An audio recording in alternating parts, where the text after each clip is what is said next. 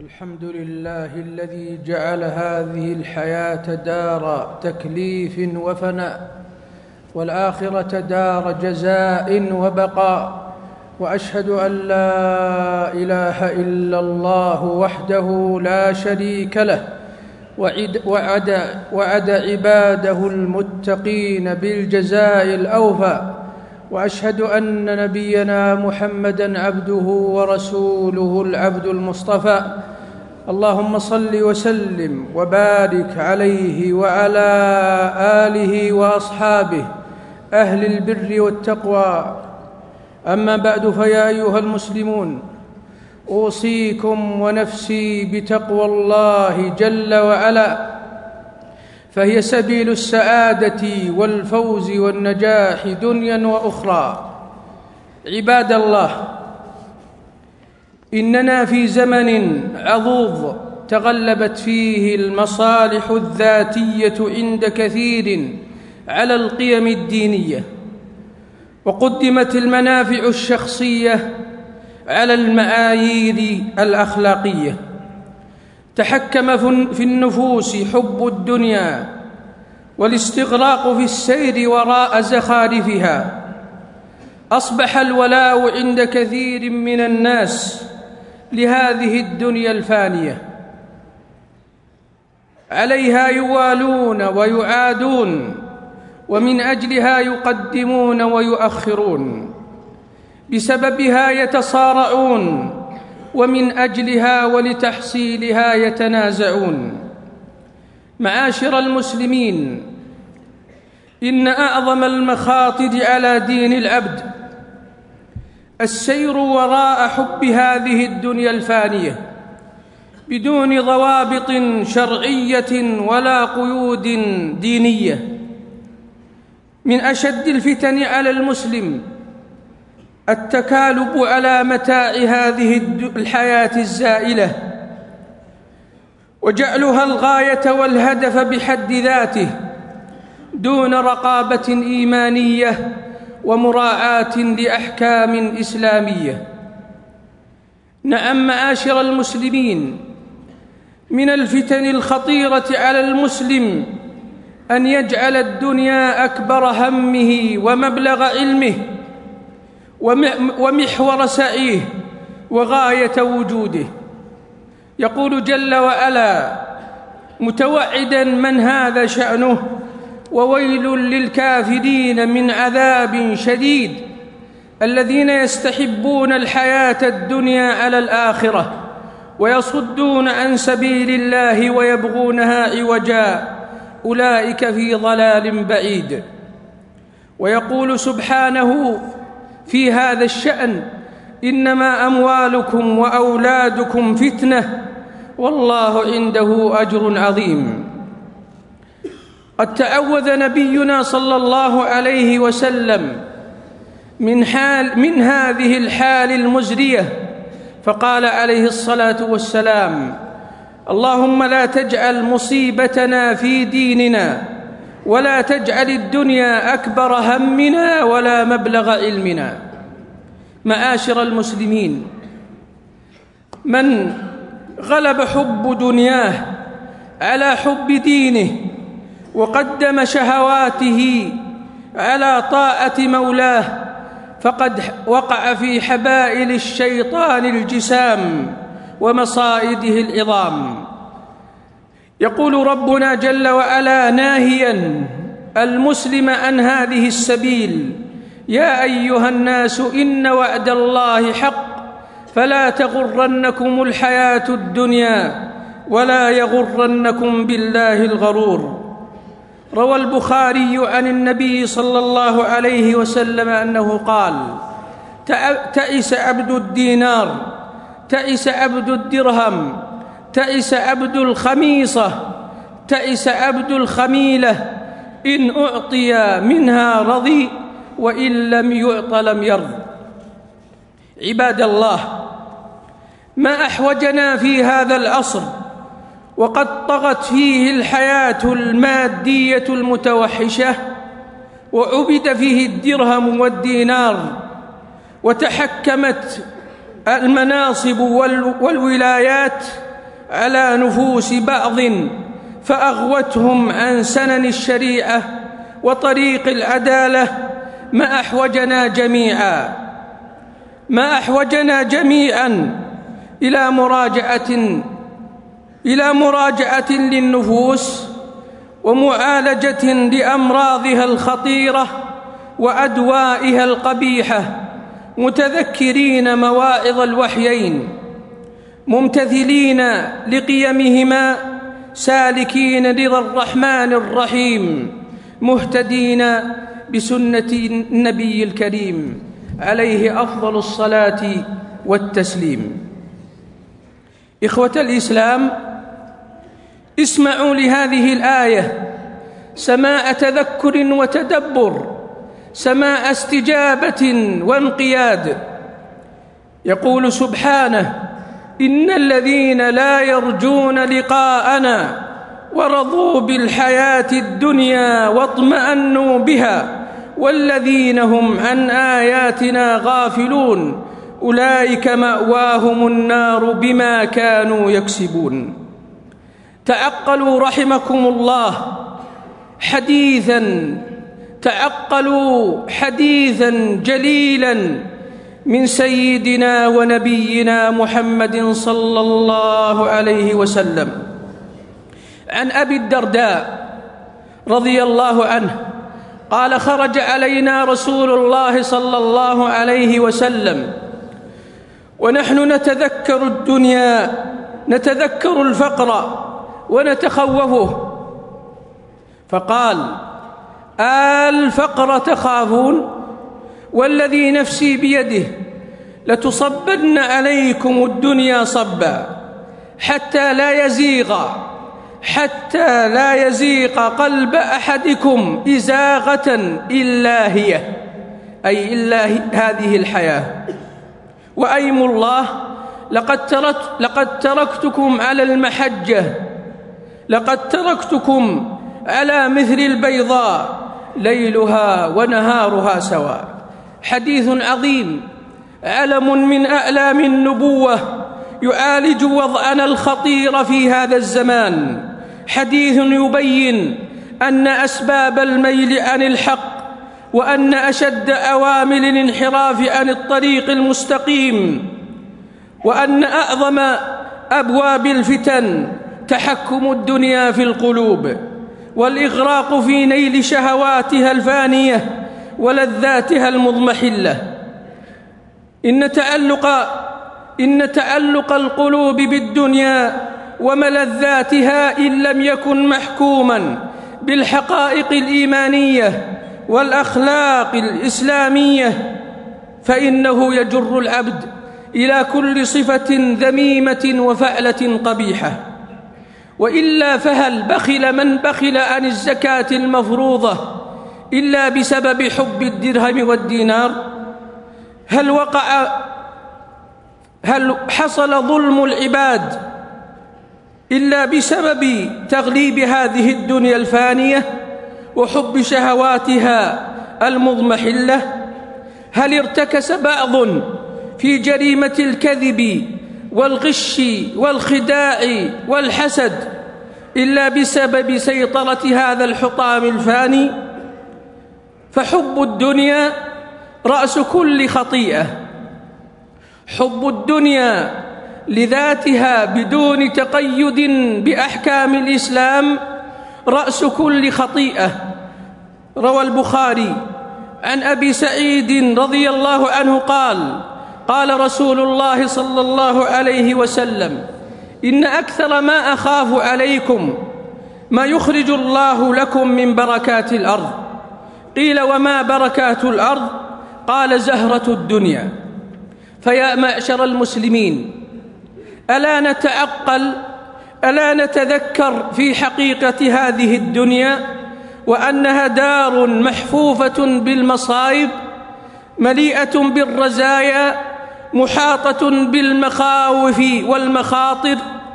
هل من العقل السليم والمنهج القويم أن نغتر بزخارفها وبهارجها الخداعة عن نيل وطلب الدار الباقية. ألست أيها المخلوق إلى فناء محقق؟ ألم تستبصر أن دنياك مثل فيء أظلك ثم أذن للزوال؟ يقول ربنا جل وعلا وما الحياة الدنيا إلا متاع الغرور. فوالله ما أقبل عليها امرؤ معرضا عن أوامر الله جل وعلا واقعا في نواهيه وما أقبلت, وما أقبلت عليها أمة الإسلام مبتعدة عن منهج الدين إلا كانت الندامة عظيمة والعاقبة والحسرة كبيرة. ذكر أن أحد الملوك جمعت له الدنيا في زمانه فنال من حلالها وحرامها وما تشتهيه الأنفس فعندما وافاه الأجل تذكر حاله في الدنيا وما آل إليه مصيره فقال يا ليتني فقال يا ليتني لم أملك هذا الملك وكنت عسيفا أي أجيرا أو راعيا في غنم. فيا أيها المسلم يا أيتها الأمة المسلمة لا تساومي على دينك بشيء من زخارف هذا الدنيا ولو كان عظيما. تكن السعادة والعزة والاستقرار والأمن في الدارين. يا من أعمته الدنيا وآثر حطامها يا من أعمته الدنيا وآثر حطامها فسفك الدماء المعصومة وهتك الأعراض المصونة وسلب الأموال المحترمة. كل ذلك من أجل هذه الدنيا. لقد أجرمت جرما عظيما وعصيت جبارا كبيرا.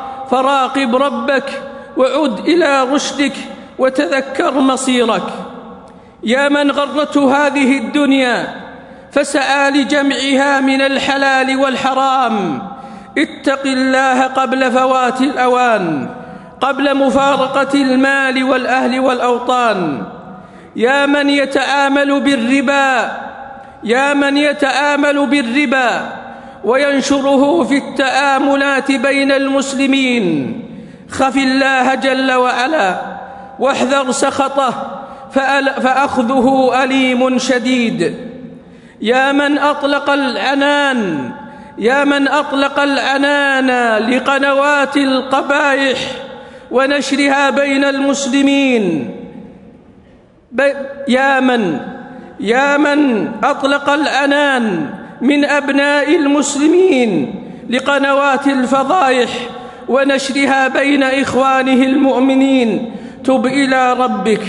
تذكر قول الله جل وعلا إن الذين يحبون أن تشيع الفاحشة في إن الذين يحبون أن تشيع الفاحشة في الذين آمنوا لهم عذاب أليم في الدنيا والآخرة.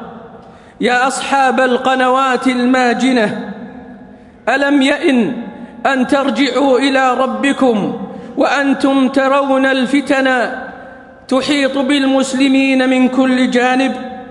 ألا تخشون من عقوبة عاجلة في مال أو في نفس أو من عقوبة سيئة أو من عاقبة سيئة في الآخرة فحينئذ لا تحين ساءة مندم ربنا جل وعلا يقول عن الذين طغوا في البلاد فأكثروا فيها الفساد قال ربنا جل وعلا فصب عليهم ربك سوط عذاب إن ربك لبالمرصاد.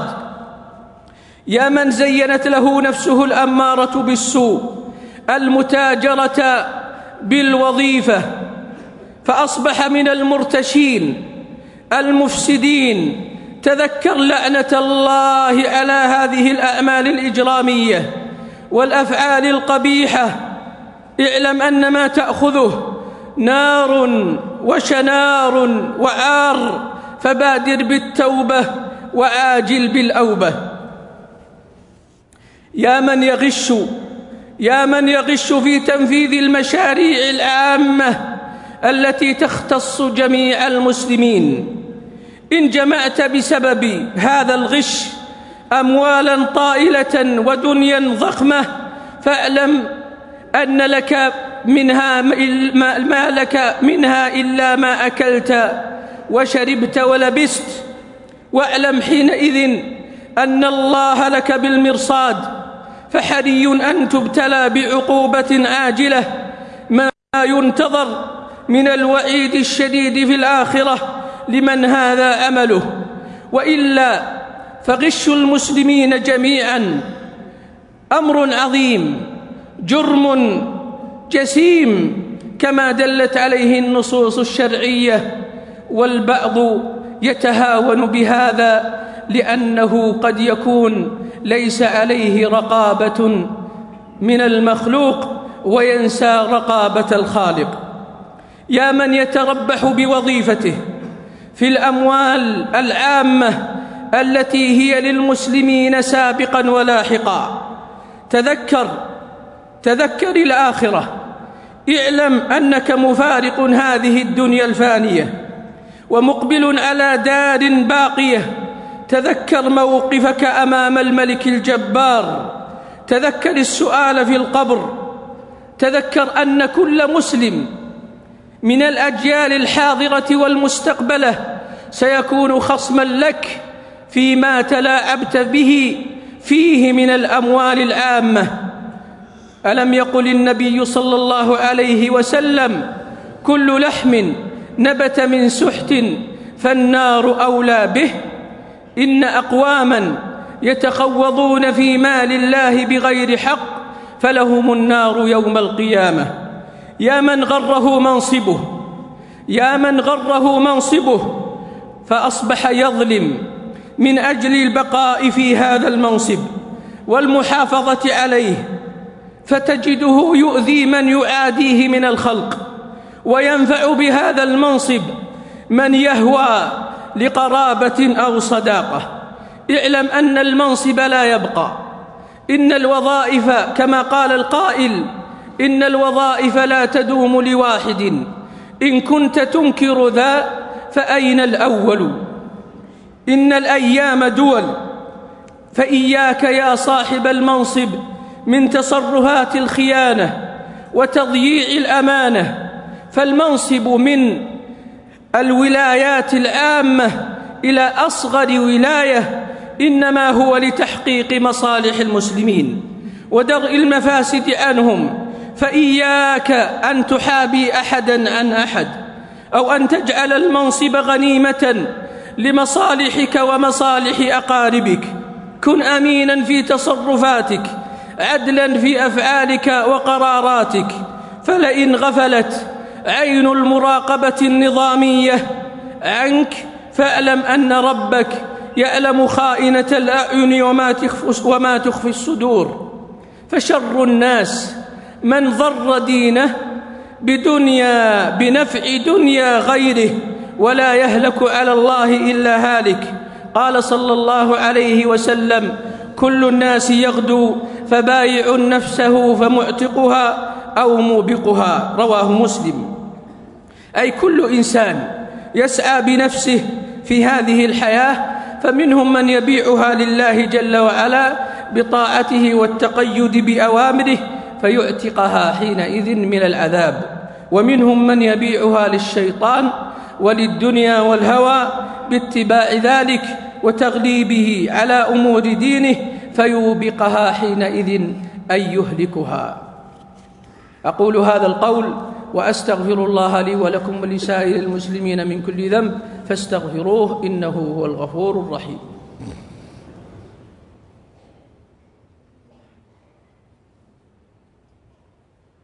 الحمد لله على إحسانه والشكر له على توفيقه وامتنانه وأشهد أن لا إله إلا الله وحده لا شريك له تعظيما لشأنه وأشهد أن نبينا ورسولنا محمد عليه أفضل الصلاة وأتم التسليم.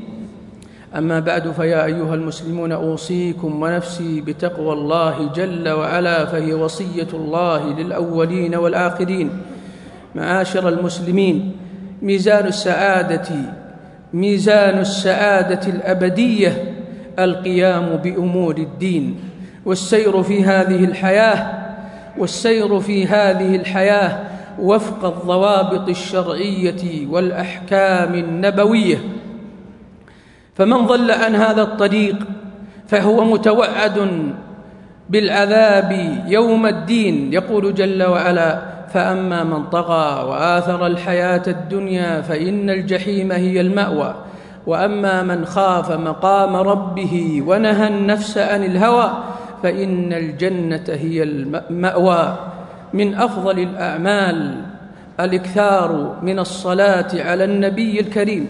اللهم صل وسلم وبارك على نبينا محمد وعلى آله وأصحابه أجمعين. اللهم أعز الإسلام والمسلمين. اللهم انصر كل مظلوم من المسلمين. اللهم انصر كل مظلوم من المسلمين. اللهم انصر المظلومين من المسلمين. اللهم ارفع الكرب عن المسلمين. اللهم آمن ديارنا وديار المسلمين. اللهم آمن ديارنا وديار المسلمين. اللهم اجعلها ديار رخاء واستقرار. يا أكرم الأكرمين. اللهم أصلح أحوالنا وأحوال المسلمين. اللهم ارض عنا وعن المؤمنين. اللهم ارض عنا وعن المسلمين يا ذا الجلال والإكرام. اللهم اغفر لنا واغفر لجميع المسلمين. اللهم اغفر لنا ولجميع المؤمنين. اللهم تب علينا وعلى المؤمنين. اللهم لا تجعل الدنيا أكبر همنا ولا مبلغ علمنا ولا تجعل مصيبتنا في ديننا. اللهم احفظ إخواننا في سوريا. اللهم احفظ إخواننا في سوريا. اللهم ارفع عنهم الغمة. اللهم ارفع عنهم الغمة. اللهم اكتب لهم الأمن والاستقرار يا ذا الجلال والإكرام. اللهم عليك بالظلمة. اللهم عليك بالظلمة يا ذا الجلال والإكرام. اللهم ائذن بزوال الظلم عن المسلمين. اللهم ائذن بزوال الظلم عن المسلمين. اللهم ائذن بزوال الظلم عن المسلمين يا ذا الجلال والإكرام. اللهم وفق خادم الحرمين لما تحب وترضى وخذ بناصيته للبر والتقوى. اللهم وفق نائبيه للعمل للعمل الصالح يا ذا الجلال والإكرام. اللهم وفقهم لكل ما تحب وترضى. اللهم اجعل دارنا دار أمن واستقرار وجميع ديار المسلمين. اللهم آتنا في الدنيا حسنة وفي الآخرة حسنة وقنا عذاب النار. اللهم إنك أنت الغني. اللهم إنك أنت الغني. اللهم أغثنا. اللهم أغثنا. اللهم أغثنا. اللهم اسقنا. اللهم اسقنا اللهم اسقنا يا ذا الجلال والإكرام. عباد الله واذكروا الله ذكرا كثيرا وسبحوه بكرة وأصيلا.